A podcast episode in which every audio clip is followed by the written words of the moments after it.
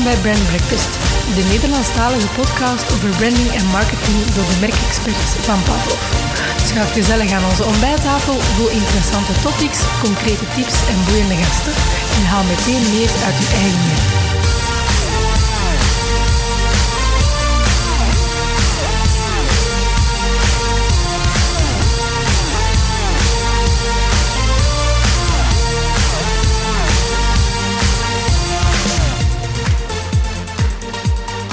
Goedemorgen, beste luisteraar. Welkom bij aflevering 62 intussen van Brand Breakfast. Fijn dat u ons vervoegt vandaag. Uh, ook fijn dat onze uh, gasten mij vandaag wilt vervoegen. Dag Naima. Goedemorgen. Hallo. Uh, wij ja, zijn in goed gezelschap um, van Naima Lafrarchi. Um, Naima hebben we uitgenodigd om het te hebben onder andere over inclusie, diversiteit, empathie. Dat zijn zo wat de thema's voor vandaag. Uh, ik ga haar wel even schetsen, hè, zoals u dat uh, gewend bent van mij. Uh, Naima is onder andere, want het is een academische, zal ik het zeggen, gulzigaard misschien zelfs. Hè, heel veel gestudeerd, maar is onder andere master in de onderwijskunde en de rechten. studeerde daarnaast ook nog eens religieuze en sociale wetenschappen, diversiteitsmanagement aan de KU Leuven, lees ik op je LinkedIn-profiel. voor iemand zonder diploma's als ik zelf is dat zeer impressionant. Ja, nee. um, daarnaast keynote speaker, moderator, organisator van evenementen. En ze is uh, ja, vooral uh, vandaag vooral onderzoeker aan de, aan de UGent en uh, lid van de faculteitscommissie Diversiteit en Inclusie. Um, en ze is experte dus in veranderingsmanagement, leiderschap en het inzetten van diversiteit en inclusie als troeven bij bedrijven en non-profit organisaties. Is dat in een notendop geschreven? toch? Ja, ja, ik ben een beetje zelf onder de indruk. Ah, voilà, okay. um, maar juist, ik denk dat ik vooral de laatste twintig jaar, zelfs iets meer, bezig was met diversiteit, rechtstreeks of onrechtstreeks. Ja. Dus je, je zei het, uh, ik ben eigenlijk zelf ook, hè, uh, ik heb een aantal diversiteitskenmerken, zoals we dat dan noemen. En ik denk dat daar ook misschien wel, wel, wel de interesse in is, is, is gegroeid of, of, of ontstaan. Uh, maar doorheen inderdaad mijn, mijn traject um, heb ik, ben ik altijd nieuwsgierig geweest. Hè. Je zei, Goes, ik ben vooral altijd nieuwsgierig geweest van, van ja, we leven samen en hoe gebeurt dat dan? En wat gebeurt er eigenlijk überhaupt tussen mensen? En hoe kun je leren, hoe kun je groeien? Ja, destijds gaf ik daar natuurlijk niet die woorden. Hè. Die mm. woorden komen dan pas achteraf als je daar alleen over nadenkt en over studeert. Um, en dan heel concreet inderdaad ben ik nu wel betrokken bij een aantal diversiteitscommissies, noem dat dan. Maar eigenlijk ja. diversiteitsprojecten die me eigenlijk ja, mij boeien en eigenlijk, uh, ja. eigenlijk uh, in gepassioneerd ben. Ik ging het zeggen, dat is echt een passie. Hè? Want ja, aan de andere kant van de tafel zit ik dan, uh, ja, witte, heteroseksuele man van 40. Eh, cliché kan je het niet hebben, denk ik, als oer-Vlaming. dus ja, kleine disclaimer voor zowel jou, Naima, als de luisteraar. Ja, ik ga vandaag waarschijnlijk ook wat domme vragen stellen, dat mag, hè. Domme vragen bestaan, ah, voilà. Stefan. Sowieso niet. Zo laat sowieso het cliché dan. Oké. Okay. We zullen misschien eerst met de deur in huis vallen. Ik, uh, ik lees op jouw sprekersprofiel, en want wij delen een sprekersbureau bij Read My Lips, uh, lees ik uh, dat je zegt van ja, diversiteit is passé en inclusie is het nieuwe normaal. Wat bedoel je daar precies mee? Ja, dat is natuurlijk om een, een statement te maken. Ja. En natuurlijk de, de laatste uh, vijf, tien jaar uh, is, dan, uh, is dat een hot topic. is dat eigenlijk uh, sexy om daar rond te werken, daarover te communiceren mm. enzovoort.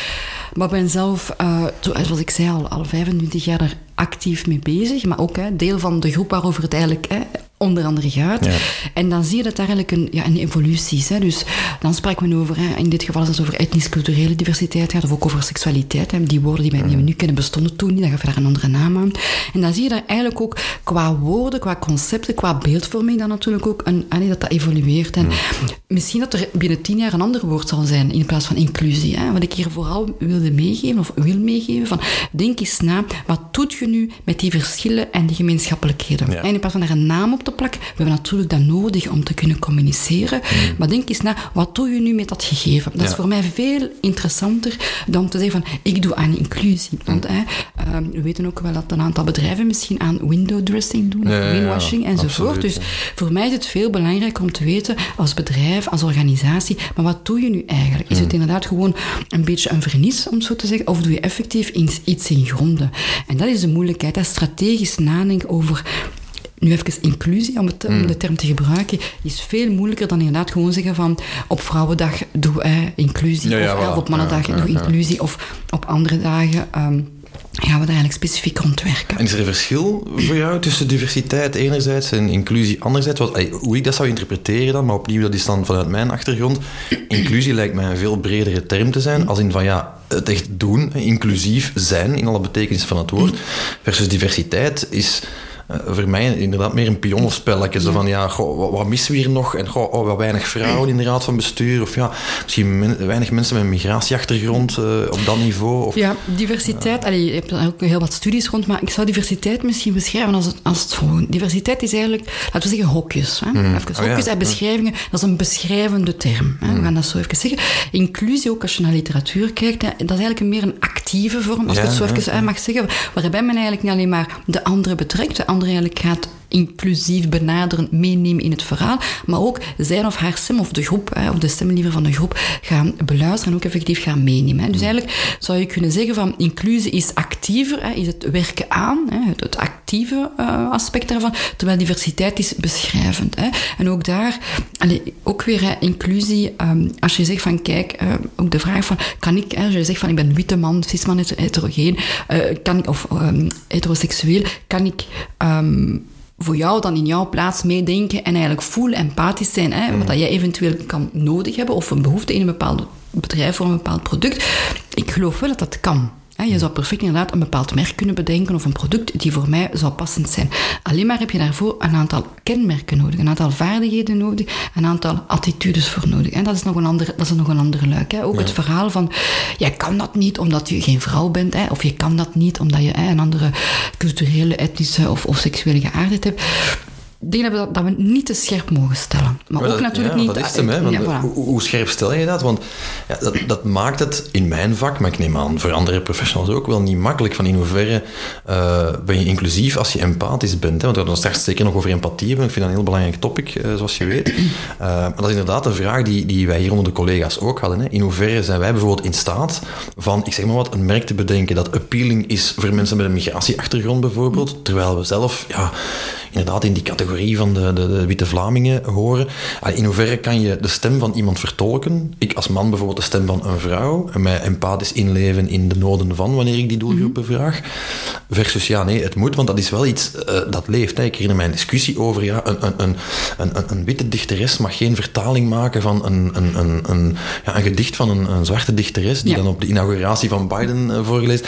Ik vond dat zo'n bizarre discussie. Ik dacht, oké, ofwel word ik oud en begrijp ik het niet meer, uh, maar er zijn, er, zijn verschillende, er zijn verschillende lagen. Hè. Ik, ga, ik ga proberen de ja. twee. Eigenlijk zeggen van, kan ik als organisatie, als bedrijf, hè, nadenken over een product die ik naar de markt wil brengen hè, voor een breed publiek? Mijn eerste vraag zou, zou zijn van, welk product wil je, wil je, brengen en voor welke doelgroep? En dat is eigenlijk een marketing-salesvraag, basically. Hè, basically. En dan gaan nadenken, oké, stel nu, zeg maar eens, je hebt die drie doelgroepen voor ogen, ja, die, die bepaalde kenmerken hebben. Dat is denk ik belangrijker voor jou om dat te gaan definiëren. En dan gaan nadenken als bedrijf van oké, die groep, zeg maar iets, moslimachtergrond uh, of andere achtergrond of bepaalde kenmerken of, of een typisch vrouwelijk product, mm whatever, of typisch kinderen, wat dan ook. Daar is de vraag van oké, wat is hun behoefte? Waar verlangen zij naar? Is er een match tussen vraag en aanbod, en nu even om te zeggen. En dan gaan nadenken van hoe ga je dat eigenlijk in mijn geval op een empathische manier gaan communiceren. En dat zij natuurlijk je product dan gaan gebruiken of gaan kopen. Het andere stukje dat je zegt, hè, een gedicht. Uh, ik ben nu ook toevallig ook leerkracht Nederlands. Hè.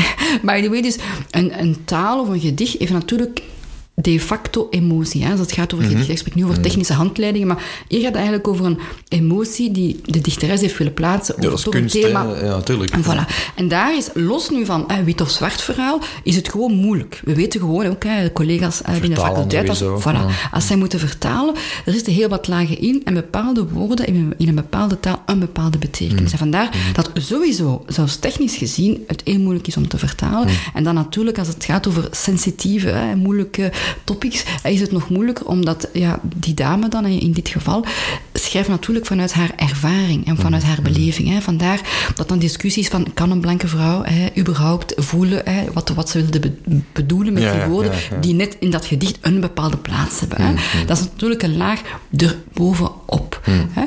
Um, dus ja, dat is een discussie dat ik, waar ik eigenlijk geen, geen oordeel of, of geen, geen keuze in kan maken in plaats van hè, die, die, die mensen. Maar ik begrijp het wel. Ik begrijp het wel, maar terzelfde tijd zou het heel goed kunnen dat je een Vlaamstalige, Franstalige, Engelstalige Engelstalige vertaalster heeft die dat heel goed kan, omdat ze het heel sensitief is. En dat ze heel empathisch kan luisteren of lezen wat er misschien bedoeld is geweest in dat verhaal of dat gedicht. Dus ook dat is soms ah ja, ehm, moeilijk. Hè? Het, is, het is nooit zwart-wit. Nee. Maar daar zeggen we van, ja, kunst is emotie, maar wij in ons vakgebied zeggen, ja, branding is ook emotie. Voornamelijk Absoluut. emotie. En dus de, de reden waarom je een merk attractief vindt, om welke reden dan ook. Allee, bijvoorbeeld, mocht ik nu voor make-up of ik zeg maar iets, eh eh, hygiëneproducten voor dames, zeg maar maandverband, tampons, whatever, ja, eh, obviously hoor ik niet tot de doelgroep, maar mijn instant eh, eh, reflex zou zijn dan om die doelgroep te bevragen. Wat zijn uw motieven, wat zijn uw noden en het met hen ook af te stemmen. Ehm, Dat bedoel ik inderdaad, maar dat straks, hè, allee, ik, ik denk echt wel dat een man, even, inderdaad, technisch gezien, inderdaad kan nadenken over maandverbanden, lipstick, whatever. Hè.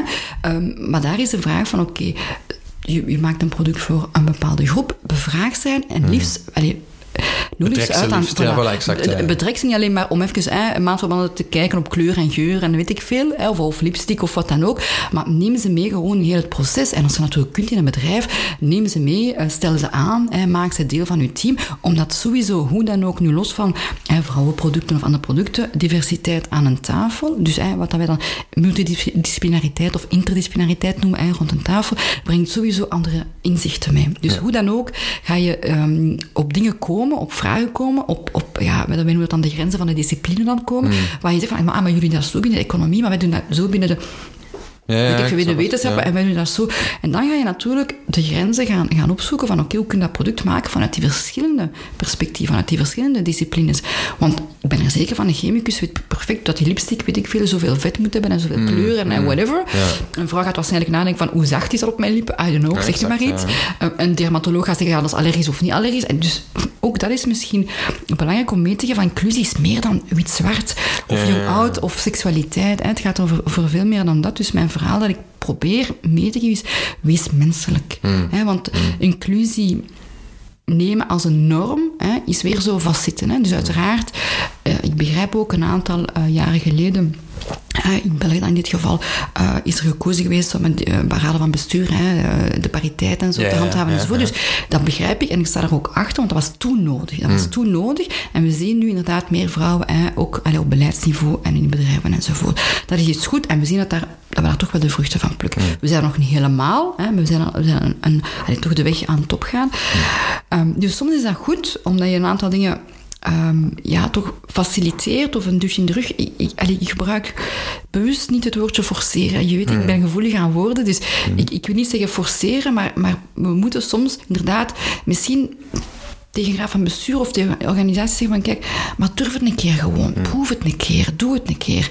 En als daar dan, wat wij dan succes ervaringen hè, bij te pas komen of, of aanwezig zijn, dan weten we ook uit de psychologie, want dat is een beetje mijn domein, dat dat wel, dat dat wel komt. Hè. Als, je- als je dat blijft doen, en als er een paar aan- mensen aan tafel zeggen, oh, maar dat is eigenlijk wel positief, oh, maar die persoon, dat was toch wel meerwaarde voor ons product, of ja, maar die persoon die had toch wel een relevante commentaar of, Ja, dan of wordt het insteek. bewezen dat het interessant is, Een ja. beslissing. Ja, ja. En dat is ook altijd de, een beetje koudwatervrees, zoals we dat noemen.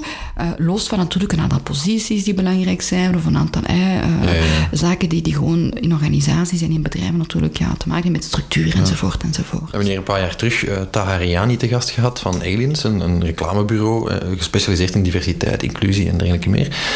En die zei ook van, ik ben op zich wel voorstander van quota, hè, want ik stelde hem de vraag van, sta je er tegenover? En hij zei, ja, ik denk dat dat gewoon een, een noodzakelijk kwaad is tijdelijk. Om inderdaad, zoals je zegt, dat, Ja. duiken, dat, dat, dat duiken is te geven. En eigenlijk om mensen een beetje ja, te verplichten tussen aanhalingstekens, dat is dan ook weer een gevoelig Ja. woord, maar een beetje te, te, te, te duwen om, om ja, het bijna verplicht te ontdekken. En dan zullen ze zelf de vruchten daar wel van zien te plukken en zien dat het economisch ook een voordeel Ja. oplevert. hè. Want dat is dan misschien ook weer oer-Vlaams. Maar ja, eh, zolang het geld oplevert, kan het Hoeveel allemaal. brengt het op, Ja, voilà, voilà. allemaal? En hoeveel kost het mij? Exact, exact.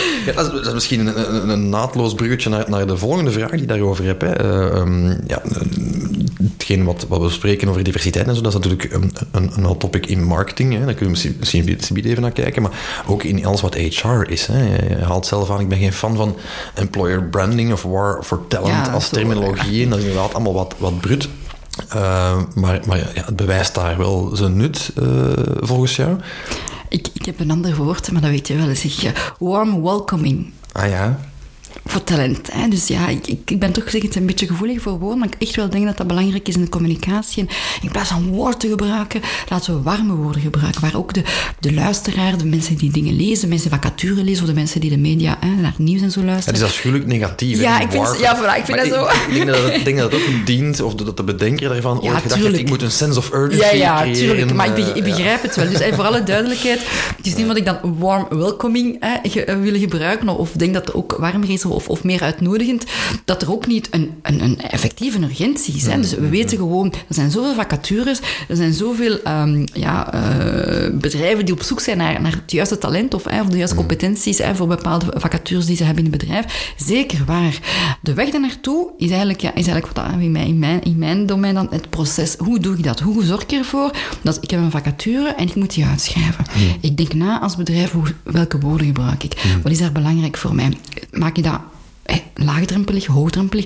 Ik snap ook wel, eh, we doen een fysicus, die moet een aantal dingen weten. Ja, tuurlijk, Alleen, ja, uiteraard. Maar los daarvan, dan nog, dan nog zou je kunnen nadenken van, oké, ik heb hier een high-profile, super gespecialiseerd profiel nodig. Dan nog kan je nadenken van, hoe ga ik dat eigenlijk uitschrijven? Maar is dat een kwestie van tone of voice, denk je? Dat, dat, dat een Maar merk ook- attractief is als werkgever? Ehm, misschien wel, maar ook, allee, wat ik wil meegeven is, allee, dat is een stuk wat ik empathie noem. Alleen maar de beschrijving, dus puur technisch, hè, je moet eh, zoveel ervaring, Ja, dan die diploma's voilà, ja. enzovoort. Maar ook, welke woorden gebruik ik en welke communicatie en hoe laagdrempelig maakt. En vooral ook, welke kanalen gebruik ik, omdat mijn vacature, als ik als bedrijf wil werken rond, eh, rond bijvoorbeeld diversiteit, ga ik niet één kanaal kiezen of niet een kanaal kiezen, maar misschien ga ik nadenken van welke andere kanalen zijn. Dus, hè, dus je werkt op ja, strategisch niveau, zeggen we dan. Hè, ga je op strategisch niveau op verschillende, op verschillende elementen gaan werken. En je begint eigenlijk al bij de aankondiging van de vacature. Dan natuurlijk bij de selectieprocedure. Dan natuurlijk ja, als die commissie hè, eh, de, de interviews meestal doet, hè, of, of de, de eerste gesprekken. En dan natuurlijk de onboarding, zoals ze dat dan eh, mooi noemen. En de doorstroom. Hè, en dan ook het exit. Hè. Waarom gaat überhaupt iemand weg? Misschien is het inderdaad eh, verhuis, weet ik veel, kinderen, whatever, iets nieuwe heel ambities. eh, voilà. ja, ja. Maar misschien is er effectief iets interessants voor jou als bedrijf om mee te nemen. Niet aanvallend, maar ja, eigenlijk... Ja, wat heb je geleerd? Wat vond je goed? Wat vond je misschien minder goed? En laten we dat meenemen in ons evaluatiecyclus. Laten we gewoon deel van uitmaken. Net zoals je kijkt van, eh, ik maak een potje yoghurt, zeg maar iets. En dat heeft een aantal criteria. Eh, op het einde van de band moet je natuurlijk ook eruit afkomen. hoe, dat, hoe dat je dat dan hebt bedacht of betekent. Wel, net zo doe je dat eigenlijk ook met mensen. Van, die komen binnen, die hebben een bepaald traject, een bepaalde achtergrond, die hebben bepaalde taken moeten doen of in een bedrijf. Oké, wat kunnen we daaruit meenemen om onszelf te verbeteren? En niet altijd te zien als, als aanvallend. En dat is misschien ook wel een reflex die... ehm, die bedrijven niet altijd maken, maar die ook, als je dan kijkt naar, naar de kant van, de, van, de- van bepaalde minderheden, om het zo te zeggen, of bepaalde eh, groepen eh, in de samenleving, zij zeggen ook van ja, ik, ik heb, allee, ik heb mijn, mijn, eh, mijn moed bij elkaar gegraven, ik ben toch gegaan naar dat wit bedrijf, hè, nu heel schematisch, en ik heb mij proberen aan te passen, en, en, en, en allee, ik heb geprobeerd sociaal te zijn, en aan de koffiemachine, enzovoort. En toch, ja, ik voelde me daar niet thuis. Hè. En dat is wat wij noemen hè, de, de tacit en de non-tacit knowledge, of, of hè, de cultuur van een bedrijf. De cultuur van een bedrijf is natuurlijk ook superbelangrijk. Natuurlijk. Dus ja, je kunt, kunt je dat vastpakken, je kunt dat niet echt vastpakken, maar er zijn wel een aantal criteria. Hè. Zij zeggen dan van, ik voel mij niet welkom, of ja, ik voel mij uitgesloten, of de informatie kwam niet tot mij. Of, dus er zijn allerhande eh, tekens aan de wand, als ik het zo maar zeg. Als je dan gaat optellen, of als je die gaat in kaart brengen, voor een bedrijf kunnen die wel interessant zijn om die warm welcoming in plaats van een war on talent eigenlijk te gaan op een positieve manier. Ja, wat zijn dan de succesfactoren? Ik vraag me dat inderdaad af. Hè. Pak dat je inderdaad duizend medewerkers hebt. Er zijn eh, de facto, mag ik hopen, x aantal minderheden, om dat ook zo'n afgrijzelijk woord hè, te gebruiken. Hè. Of, of eh, mensen die anders zijn dan het klassieke profiel misschien. Eh, is dat correcter om, om het zo uit te drukken? Wat, zijn daar dan succesfactoren in om dat warm en welcoming te maken? Want ik denk dat eh, naar merkcultuur, dat is iets waar met klanten ook heel veel rond werken, is dat wel een, een cruciale vraag. Want je kan daarover brainstormen als management, al dan niet representatief en, en, en inclusief eh, rond nadenken. Maar dan in de praktijk, ja, hoe ga je bijvoorbeeld ja, klassieke clichés over, ik zeg maar wat, over vrouwen, over migranten, over oudere medewerkers, hoe ga je dat tegen in godsnaam? Dat is toch Maar heel moeilijk? Ik, ik, ga een, een, ik ga een visueel voorbeeld Ja, graag, Bijvoorbeeld, hè, iemand die in een rolstoel zit, hij heeft ook natuurlijk bepaalde diversiteitskenmerken. En ja, het is zoals het is. Hè, eigenlijk tot heel kort en zelfs nog soms vandaag nog altijd, heeft men een beeld van iemand die in een rolstoel zit, eigenlijk misschien niet zo slim of toch niet zo slim als jou en ik, die mm. helemaal hè, zonder beperking leven. Zonder zichtbare beperking, voor alle duidelijkheid. Ja, en, hè, of, of de klassieke voorbeeld, hè, een, een, man of vrouw duwt dan de persoon in een rolstoel en dan praat ze tegen de persoon en niet tegen de persoon in de rolstoel. Dus die dan duwt en niet de persoon in een rolstoel. Hè. En dat is omdat wij ergens misschien onbewust ingebak of mee hebben gekregen dat inderdaad hè, je, je kijkt naar een, op een bepaalde manier naar uh, een, in dit geval een persoon die misschien blind is of doof of in een rolstoel. Net zoals de vrouw, net zoals hè, vrouwen met hoofddoek, ja, dat zullen wel onderdrukte vrouwen zijn hè, die, die hmm. niet uh, uh, zelf voor zichzelf kunnen kiezen, bon, enzovoort, enzovoort, enzovoort.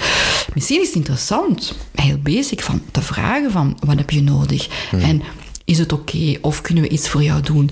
En dat is weer, hè, dat empathische, dat klinkt zo van, ja, voor jou en voor mij heel normaal, maar misschien moet het gewoon vragen van, wat heb je nodig? Misschien is er veel Vlamingen ook gewoon betuttelend, omdat ik zou dat al niet durven. Nee, ik zou... Ja, heel eerlijk, ik, ik, ben daar dan ja, misschien weer, weer, weer te, uh, ja, dat woord dan maar te gebruiken, misschien wat te conservatief. Ik, zou, ik zou aan iemand in een rolstoel niet durven vragen, wat zou je leven hier gelukkiger maken op, op de Ja, ik weet het niet, ik bedoel, mij, mij zou bijvoorbeeld een, een comfortabele stoel bijvoorbeeld gelukkiger maken, zeg maar iets. En dan dan kan ik mijn werk beter doen, ben ik productiever, heb ik minder rugpijn, whatever. whatever. of, of weet ik veel, um, koffiemachine op de tiende verdieping, maar misschien op de verdieping zelf. Allee, I don't know, ben, ik ben maar iets aan het denken. en misschien, misschien um, ligt het ook, of, of misschien ligt een stukje van de oplossing, of een stukje van de benadering, ook inderdaad de manier waarop je, je terecht zegt van, we zijn natuurlijk opgevoed in een bepaalde context, uh, we, denken, we zijn ongeveer van dezelfde leeftijd, uh, in een bepaald milieu. Op dat moment was er eigenlijk niet zoveel diversiteit of inclusie, ja, daar sprak men eigenlijk nog niet over.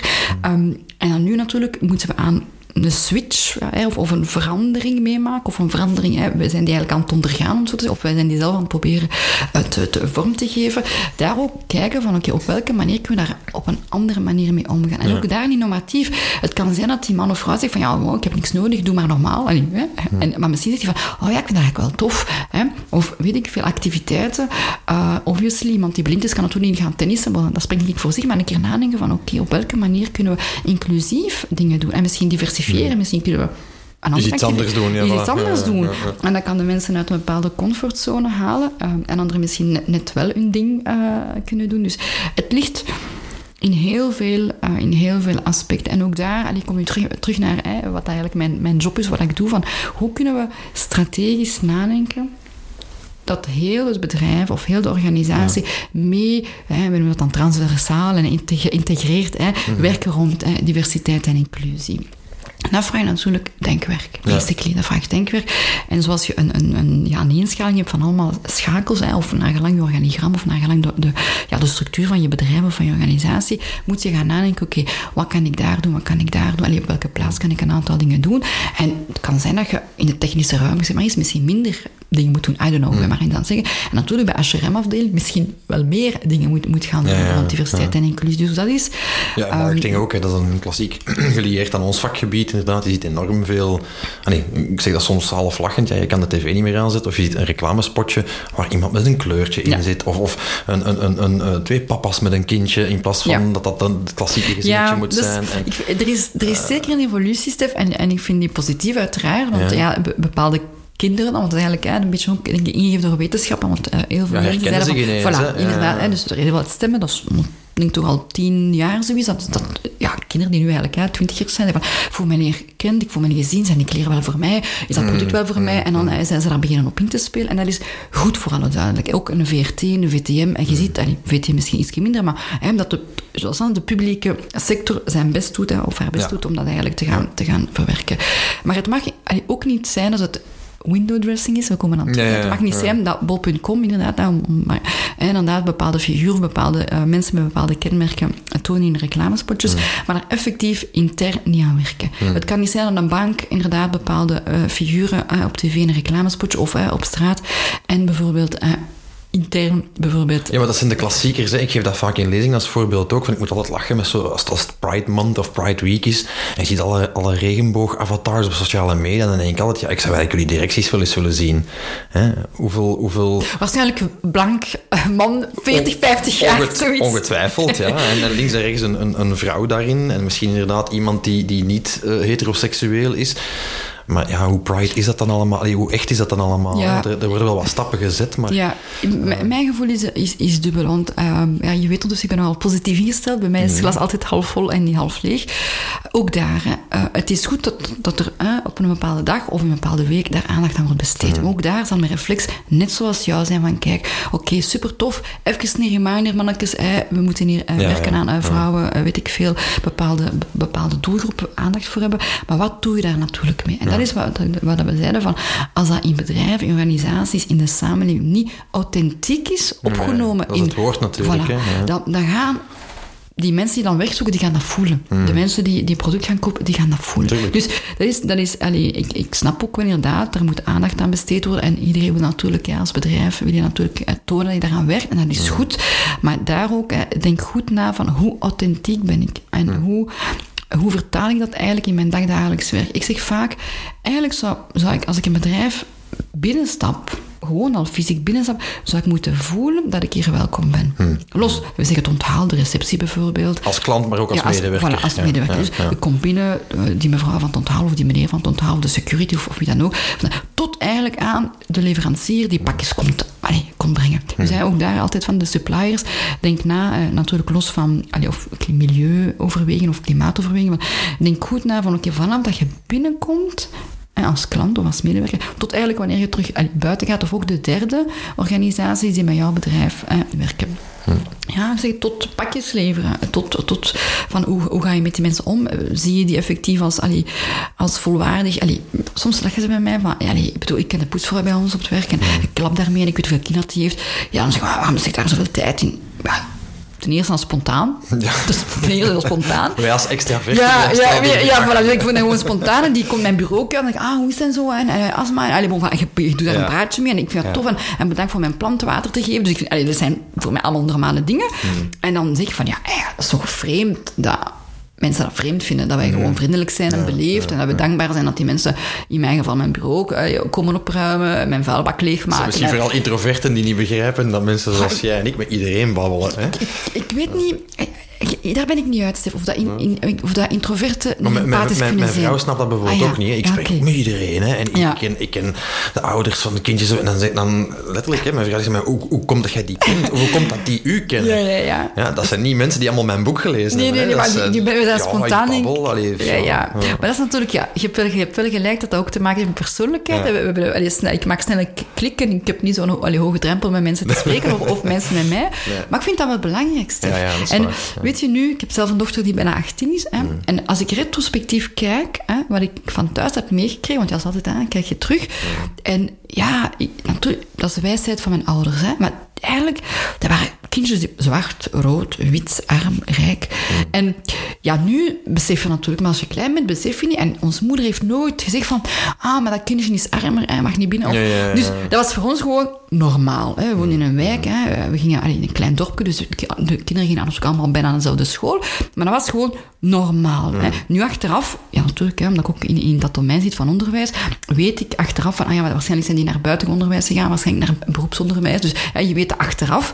Maar dat was, dat was voor mijn moeder vooral van, dat zijn gewoon mensen. Dat zijn kinderen. ja. En, en ik maak geen verschil. Die willen spelen, die eten mee pizza, die eten allee, spaghetti, weet ik veel, dan pannenkoek. En dat was normaal. En ik ben daar eigenlijk achteraf gezien, los natuurlijk van je eigen persoonlijkheid, ben je daar ongelooflijk dankbaar voor. Omdat je heel veel dingen daaruit leert. Je leert daar inderdaad omgaan met cultuur, omgaan met taal. En ik ben, ik ben opgegroeid in vier talen, dus ja, nu zeg je dat. Op dat moment besef je dat natuurlijk niet. Het zijn allemaal zaken die je meekrijgt, die je nog sensitiever maken. Ja, ja, ja, Want je hebt een bepaalde persoonlijkheid, terecht, jij ook. En dan word je getraind, dat lijkt me zo, maar je wordt je, door je opvoeding, door je omgeving, word je dan getriggerd op een bepaalde Ja, word je tolerant of intolerant ja, gemaakt, of je neemt het mee. hè. Ah ja, tja, dat is eigenlijk wel tof om, om iemand gelukkig te maken. Hè? Dat, is wel, dat is wel leuk. Eh, ook zoiets een gewoonte van mij, waar ik ook ga. Ik neem altijd wel iets mee. Hè? Ja, waarom neem je iets mee? Ja, ik vind, ben, kom bij jou op bezoek, je hebt mij uitgenodigd. Dus ik vind dat je, allee, niet dat ik moet, maar ik vind dat gewoon tof. En ja, dat zijn beleefdheidsregels. Ja. Dat zijn, ja, iemand blij maken, ehm, empathisch zijn. Eh, die persoon heeft moeite gedaan hè, om, om, weet ik veel, eten te maken of je huis eh, open te stellen. En dat zijn zaken die, we, allee, die wij zo... Ja, hostility, hè, gastvrijheid, Mm, dat we misschien wel vergeten zijn. Dus die gastvrijheid, om dat, dat term nu te gebruiken, ook in bedrijven. hè. Ja, ja, dus ja, ook ja, empathie heeft te maken met emotie, maar ook met gastvrijheid. Ik voel mij thuis. Ah, ik voel mij een deel van de ploeg. Ja, want je spreekt over mensen blij maken, mensen gelukkig maken. Het woord empathie is al ettelijke malen gevallen. Uh, ja, mijn, mijn laatste boek uh, zoomt daar nogal op in, in een merktechnische context dan. Omdat ik vind dat merken terug relaties moeten opbouwen die menselijk zijn, die nabij zijn, die empathisch zijn. Hoe belangrijk is het als leider van een organisatie om empathisch te zijn. Kan dat nog niet empathisch zijn als leider vandaag? ik hoop van niet, Stef.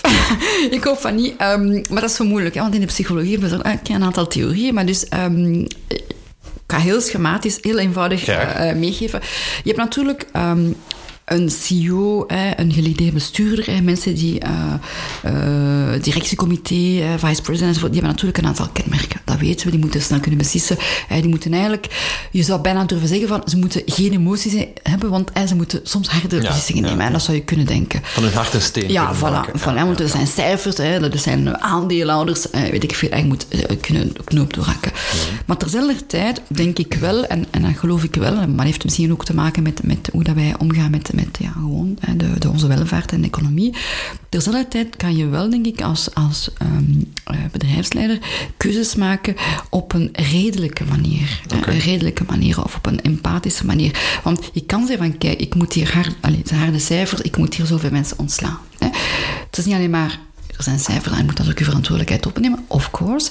Maar de manier waarop je misschien omgaat hmm. met de mensen die misschien moeten afvloeien of een departement die moet afsluiten of whatever. Dus het is niet alleen maar van beslissingen nemen, het is ook hoe Het is misschien niet zozeer wat, maar hoe dan. Voilà. Ja. want dan vaak zeggen mensen van, ik ben niet gezien geweest, we zijn niet gehoord geweest, dat zie je ook, als dan vakbondsacties mm, zijn, we zijn niet gehoord geweest. En die begrijpen ook inderdaad, die CEO kan niet met elke vakbondsafgevaardigde komen spreken, dat snap ik ook wel allemaal.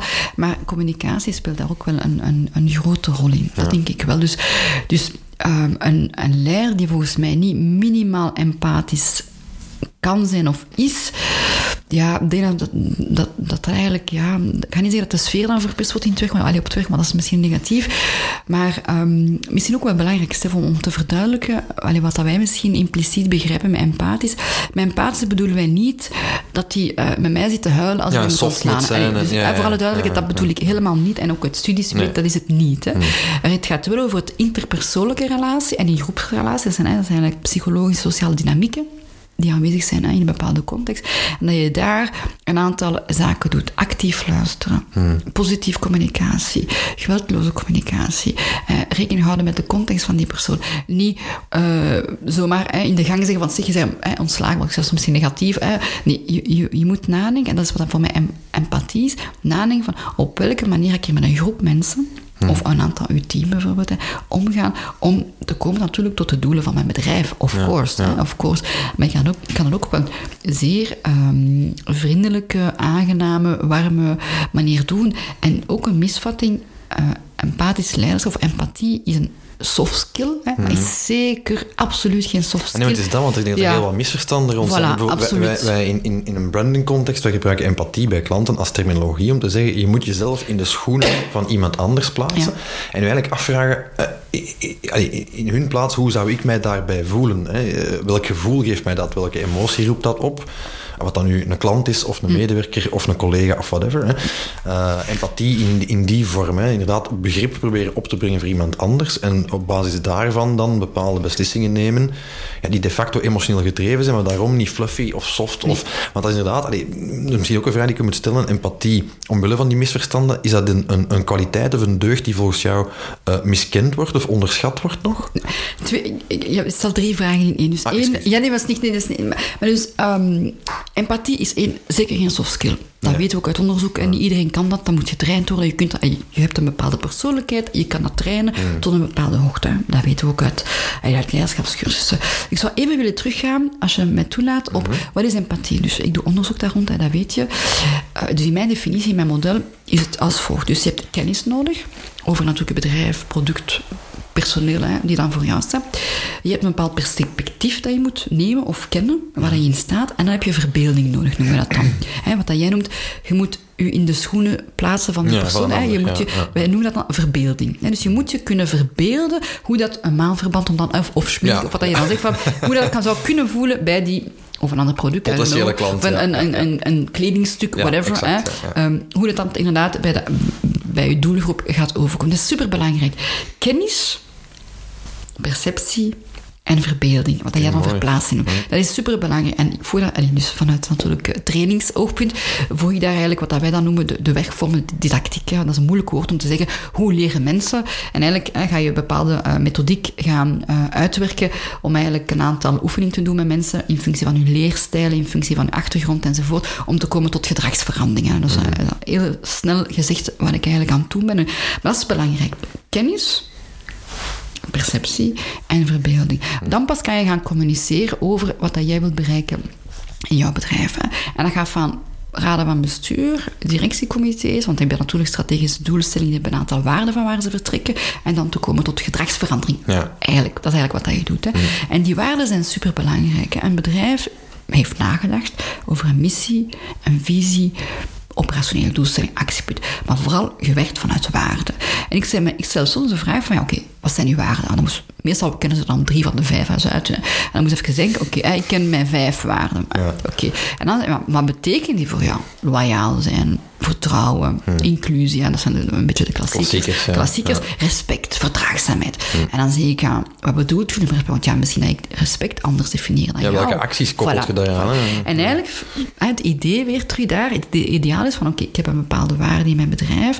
En wat betekent dat voor mij? Ik ga dat vertalen in mijn strategisch beleid. Ik ga dat vertalen in mijn operationele doelstellingen, eh, in heel de structuur. En ik ga dat vertalen naar gedrag. En dat is dan waar, waar mijn expertise ligt. Dat is niet gemakkelijk. En je voelt al, van, dat vraagt tijd en dat vraagt werk. In principe, je kunt veranderen die waarden. Dat kan verschuiven uiteraard. En als je bedrijven hebt die in verschillende landen gesetteld zijn, dat kan ook een beetje wijzigen. Maar eigenlijk zou ik in een bedrijf die in België is, die een antenne heeft in Azië, ik moet daar binnenkomen en ik moet eigenlijk voelen, nou, ah ja, dat is juist die vijf waren in België, die ze mij hebben toen, hè, zijn eigenlijk dezelfde als hier. En ik voel dat ook, en ik hoor dat ook, en ik zie dat ook, als in Latijns-Amerika. Uiteraard, dat moet een beetje rekening houden met, met, met, de context, maar eigenlijk zou dat het vertrekpunt moeten zijn. En dat is niet zo, dat lijkt zo, ja, fluffy, je zegt van, ah, dat lijkt zo, oh ja, dat, dat is niet belangrijk, zo, dat, die emotie dat is niet zo belangrijk. Maar we weten, hè, eh, als je ergens binnenkomt of als je kennis maakt met een, een, product, de eerste seconden zijn cruciaal. Dan moet ik jou niet vertellen, kleur, geur. eh, De prikkels, voilà, ja. de prikkels. Ja. De eerste zeven seconden maak, maak nu hersenen een scan. En dan, hè, dan, al dan niet, kun je dat dan positief of negatief wijzen. Dus dat is ook wel belangrijk. Hè. Als ik natuurlijk ga solliciteren in een bedrijf, en mijn sollicitatie, voilà, mijn cv, is al ook, en, ik, en ik kom binnen en, bij jou, zoals hier, in een vergaderzaal of een vergaderlokaal, en ik, ik voel al oei, iets negatief in mijn beleving dan, want dat, dat kan niet zo bedoeld zijn mijn beleving, ja, dat gaat mij misschien weer houden om zelfs verder te gaan. Ja, hè. ja, ja. En ook hier, hè, want dat is ook iets dat ik altijd blijf herhalen. Ik ga altijd uit van de positieve intentie van degene die over mij staat. Hè. Dus ik, allee, ik zie er ook anderen uit enzovoort. Ik denk dat dat een goede ingesteldheid Ja, is. Dat is niet gemakkelijk, Stef. En ik, ik, ik begrijp, ik heb een aantal collega's die in de diversiteitssector werken. En die zeggen van, ja, ik ben dat beu. Hè. Ik zeg dan boos, ik ben dat beu. En we leven hier al 50 jaar. En wij vrouwen, hè, we zijn even, eh, even sterk dan mannen. En bon, ik begrijp die frustratie en ik begrijp die boosheid. Ik ben ervan overtuigd dat je niet verder kunt geraken als je niet over dat, wij noemen dat dan, conflict. Hè, of, Ja, ja, ja, die eerste- Voilà. ja. Je- je- we moeten echt proberen ehm, stappen over wat wij dan spanningsvelden noemen, of conflicten noemen, enzovoort, enzovoort, om te komen tot echte dialoog. En ook dat is klassiek. Ja, nee, maar wat bedoel je dan met dialoog? Hè? Dat is zo. Ook daar, probeer eens gewoon te zakken. Hmm.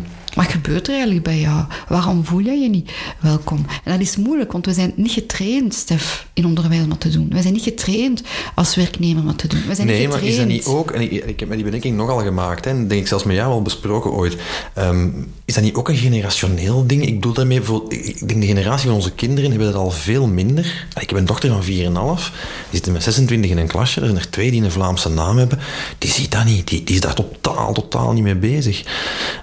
Vragen ze dat allemaal kindjes, eh, jongens, meisjes, whatever. eh, Dan ga ik jou een beetje moeten teleurstellen, maar ook iets positiefs vertellen. ja, by all means. nee, nee, maar positief in die zin dat uw dochter is juist, juist op het rand van, van het moment dat ze eigenlijk zichzelf definiëren als individu en deel van de groep. Ja, en- heel simpel of uitgelegd. anders dan anderen misschien ja, ook ineens. Dus Ja, heel simpel uitgelegd. Kinderen weten niet, ik ben ik, ik ben lichaam. En Juist. pas later hè, weten ze Juist, wat ze eigenlijk juist, komen. Dus, dus, dus dat is één. Dus als je aan vraagt aan een kind van twee, welke kleur heb je van huid? Allee, ik Ja. ga zoiets zeggen, maar eigenlijk weten ze niet meer. Nee. En eigenlijk door socialisatieprocessen, dus, hè, dus positief, en- dus leren wij kinderen, je bent blank, je bent zwart, je bent meisje, jongen, Ja, whatever. ja. Dus eigenlijk dat is goed, want wij organiseren de wereld. Hè, wij hebben dat gewoon nodig, onze hersenen werken zo. Tuurlijk. En terzelfdertijd is dat natuurlijk, dat, dat zou kunnen leiden tot inderdaad eh, het in, in hokjes trekken of, Ja. of, of het minder tolerant zijn of Ja, het minder begrijpen. zelfs, Voilà, ja. Ja, voilà, hè. En dat is waar dan, denk vooral onderwijs, maar ook opvoeding hè, of samenleving wel een rol in, Hmm. in zou kunnen spelen in bedrijven. Hè. Dus van daar waar de césuur dan begint, om zo scherp te zeggen, van oké, dat is dan op school meestal, zes, zeven jaar, en dan beginnen ze abstract te beginnen, ze kunnen abstract beginnen denken, hè, want als ze kunnen rekenen, dan kun je abstract denken. Dus dat is een beetje de leeftijd waar het eigenlijk allemaal gebeurt, om, zo te, hè, om zo te zeggen. En dan bouw je adolescentie, want dan weet je allemaal, adolescentie, en dan worden ze volwassen. En eigenlijk is die periode super belangrijk, Stef. Als je zegt van, van ja, ze zijn uiteraard in een klas waar ze met, met twintig nationaliteiten zijn, met ik weet niet hoeveel kleuren, zal dat waarschijnlijk in haar hersenen, in die, in die van uw dochter, normaal zijn. Hmm. Gaat dat gewoon zijn om een kindje te zien uit, weet ik veel, uit Vietnam, uit uh, Ja. whatever, Overal, eh, ja. voilà, Ja. Rusland, whatever. En, ze, en ze, gaat, ze gaat die namen, die gaan voor haar normaal klinkt, om zo te zeggen. En ze gaat dan niet raar vinden dat er een, een andere naam is. Maar tezelfdertijd zijn er natuurlijk ook plaatsen in België, Vlaanderen, de wereld, waar misschien kinderen niet... Allee, mijn dochter bijvoorbeeld, in de basisschool, want we zijn nogal... eh, allee, we wonen in een klein dorpje. Basisschool, ehm, ja, er was wel diversiteit, maar eigenlijk, laten we zeggen, ik denk als ik zo kijk, was dat toen eh, een derde zoiets. En ondertussen is eigenlijk veel veranderd. Dus is die, kan ik zeggen ehm, dat ongeveer de helft, of ietsje meer van, van allee, het lager onderwijs inderdaad divers is. Want eh, die- dat is eigenlijk echt In, over in mijn... lagere school in de jaren 80 en 90, vooral in de jaren 90, er waren we 500 leerlingen in de hele lagere school. En er waren twee kindjes van Marokkaanse oorsprong. Ah, en dat was het. Ja, dat was in mijn, dat was in mijn school dus ook. Dus Ja. ik was de, ik was de tweede dan. een van die twee, ja. Voilà, ik was een, een van die twee, inderdaad. Dus ja, voilà. Maar ook daar, allee, ehm, ja, ik, ik, ik ben eigenlijk, ja, ik ben gezegend geweest door de opleiding die ik heb gehad. Want ik heb in een heel, een heel eh, goede school gezeten, een heel allee, eh, strenge school en uitdagende. Allee, een school die ons heeft uitgedaagd. Dus, dus dankzij hen ben ik misschien ook hier aanwezig. Maar tegelijkertijd, allee, en ik blijf daarbij, dat was een parallel. Dus wij kregen ook mee, diversiteit is belangrijk, Ja, ja. helpen is belangrijk, Ja, de steun is belangrijk. Dus je krijgt een aantal waarden die misschien niet meteen te maken hebben met diversiteit en inclusie. En eigenlijk om terug te komen naar jouw product, hè, inclusief zijn. Maar je leert daar wel een aantal attitudes, dat wij dan noemen, of een aantal ja, blikken op de wereld te zetten, die ervoor zorgen dat ik nu wel een empathisch of empathischere persoon ben geworden. Door natuurlijk de, de, de, ja, de omgang die ik heb gehad. En ik heb uiteraard fantastische eh, leerkrachten gehad die dat ook wel belangrijk vonden. En die ook zagen van, ah ja, nee, maar uiteraard. Ik was dan de, de tweede meisje, want de eerste was een, een meisje. Ehm, ja, eigenlijk is die gewoon. En dat is, dat eigenlijk een, een meisje zoals allee, de, de andere leerlingen. En dat was eigenlijk een, allee, niet abnormaal over Nee, voilà, gedaan. voilà, Allee, voilà. en abnormaal over gedaan. Dus dat is ook wel een, een, een cadeau geweest. Hè? Dus, dus die school heeft, is erin geslaagd om, om inderdaad gewoon mij te zien als een, een van de... Als een leerling. Ja, als een voilà. leerling. Ja. ja, ik was ook wel heel geëngageerd, zoals ik dat nu ben. En ik was wel... eh, enzovoort, enzovoort. Verbaast mij niks. Ja, voilà. Hè, dus, enzovoort. Maar dus, ik zeg dat, je, je, krijgt ook die, je krijgt ook die omgeving, Stef. Tuurlijk, Voor hetzelfde geld dat je zegt van, ja, zeg, jij, hè, je bent veel te gepassioneerd, hou je gewoon maar bezig met je lessen. Allee, ik zeg het nu wat scherp. Dat is ineens de Nee. parallel met de werkvloer dan Voilà, eigenlijk. Hè? voilà, inderdaad. De Dus daar omgeving zie- die je creëert. Voilà. daar. En die daagden uit, ah, dat is goed, doe dat maar. En mini-onderneming, ja, hé, voilà, op, je pakt je dingen en je goesting en je gaat er tegen. Dus dat zat er, dat zat er eigenlijk al, al Ja, wat in. Ehm, maar blijft ook, ook voor een bedrijf, geef die ruimte. Hè, als we dan spreken over ruimte of steun of over erkenning van bepaalde competenties, of ik noem dat dan potentieel. Probeer ook eh, als teamverantwoordelijk of als bedrijf competenties, en ik zou zelfs zeggen potentieel, want soms is er potentieel, maar is nog niet ontwikkeld. Hè. Eh, probeer ook die, ehm, ja, de potentiële eh, competenties die iemand in zich heeft ook te zien. Hè. Ik heb natuurlijk honderden, bijna duizenden leerlingen, ik denk zelfs duizend leerlingen, eh, zien passeren in, in, in, in mijn- carrière en ook op de universiteit. En dat is zo raar, want je kunt eigenlijk... ehm, ik stel stel het nu een beetje scherp, hè, want het is natuurlijk niet altijd één op één, maar je kunt eigenlijk als een, een, een, een docent terug, eh, sorry, een student terugkomt voor jou of, of een klas voor jou, kun je eigenlijk al na een paar lessen weet je al, oh ja, oké. Die heeft het. Of je kunt eigenlijk al qua persoonlijkheid, qua inzicht, de vragen die ze stellen, hoe dat ze eh, antwoorden en zo, weet je al ongeveer, oké, daar maak ik me eigenlijk geen zorgen over. Goed. Ja, trekt, ja, ze- trekt ja, haar of zijn plan wel. Eh, en niet omdat die juist antwoorden. Want dat is niet altijd, het is niet altijd omdat ze juist antwoorden dat ze bepaalde competenties hebben. Dat is ook zo altijd eh, moeilijk soms uit te leggen aan mijn collega's. Maar je voelt, oké, die ziet het. Die ziet dat multidimensionaal. Die heeft verschillende perspectieven. Die kan switchen. Die kan flexibel zijn. Die kan een stap achteruit zetten. Die kan luisteren. Dus he- dat zijn heel veel dingen dat ik nu zeg maar op één seconde te gebeuren. Als jij een product ziet, of met een klant, je beslist eigenlijk, in uw geval waarschijnlijk qua buikgevoel, Fractie maar van al, seconden, voilà, hè, maar ja. al die dingen komen samen. Jij beslist misschien op één seconde, maar natuurlijk heb je dat opgebouwd, die kennis, die perspectieven en alles wat je eh, doorheen je carrière hebt opgebouwd, om te komen tot, oké, ik weet dat dit gaat marcheren, dit gaat werken als product of als, eh, of als communicatie. En dat zie je ook wel, allee, dat zie je natuurlijk ook wel met een aantal jongeren die je gaan voor je hebt. Maar de uitdaging is, die druk nu een plan wil, daar maak ik me eigenlijk geen zorgen over. Maar de kunst is, en dat is wat moeilijke, om pot- op potentieel te zien. Als docent of als, eh, of als verantwoordelijke of als volwassene. En dus als teamleider of als bedrijf. Van oké, het is er nog niet. Hij of zij moet het nog leren, maar ik zie daar wel potentie. En daar dan inderdaad te laten groeien. En dat is vertrouwen. Hè? Vertrouwen is ook een heel belangrijk eh, concept voor mij. Van hoe ehm, kan ik vertrouwen geven? Hoe kan ik vertrouwen krijgen? Ja. Hè? En hoe kan ik ervoor zorgen dat inderdaad, ik heb hier een bedrijf, natuurlijk moet je cijfers, allee, ik weet dat ook wel op het einde van de rit, maar hoe kan ik proberen van die, die, ja, dat team of die organisatie inclusief met elkaar te laten werken, zonder het er te dik bovenop liggen. Hè? Als je natuurlijk elke dag zegt van, ja, we zijn inclusief en mannen, we zijn inclusief en mannen, ja, Niet vergeten, zeggen hoe, niet vergeten hoe divers we zijn. Hè? Ja, maar bon, eh, je mocht dat natuurlijk zeggen, of course, je mocht dat eh, op de muur eh, schilderen of Ja, weet ik veel. ja, hè. ja, ja. Maar ik denk dat daar dan het woordje authentic- authenticiteit hè, eh, ja, bij ja, komt kijken. Natuurlijk, je mag dat zeggen, want ze zeggen het nu een beetje grappig, maar het is vooral, het, is, eh, het moet authentiek Het moet verder gaan ja. dan het statement Voilà, En mensen, alleen, ja, mensen ja, weten ja. dat als je, als je je gevel helemaal roos kleurt, zeg maar iets, hè, in, in die week, en er is geen eh, eh, echte verandering of, of echte Ja, acties, ja. ja, dan, dan voelen mensen dat ook wel dus eh, op die manier. Eh, mooie afsluiter, inderdaad, nog heel wat eh, te bespreken. Ja, mensen kunnen je ook vinden op LinkedIn, ongetwijfeld. Of je boeken als spreker, toch ook niet onbelangrijk, over dergelijke topics. In elk geval heel wat stof tot nadenken. Ehm, bedankt, Naima, om hier langs te komen en je inzichten met ons te delen. Bedankt ook aan u, luisteraar, om weer naar ons te luisteren. Ehm, bedankt ook voor de vele reacties die we na elke aflevering mogen ontvangen. Dat is heel fijn. Je kan ons altijd blijven bereiken op hello@brandbreakfast.be. En je vindt ook eh, onze volledige catalogus uiteraard, hè, mocht je nog niet geabonneerd zijn, op Spotify, Apple Podcasts, eh, Soundcloud en zo verder. Eh, kan je ons terugvinden.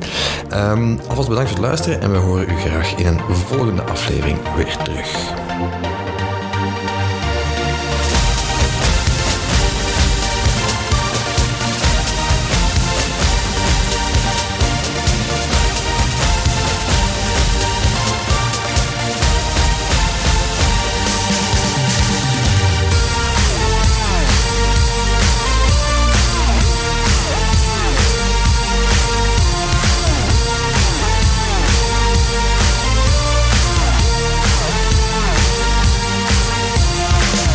Was Brand Breakfast voor deze aflevering. Vergeet ons niet te liken of u te abonneren via uw favoriete app. Ontdek ook al onze andere episodes via brandbreakfast.be en discussieer mee via hello@brandbreakfast.be of onze sociale mediakanalen.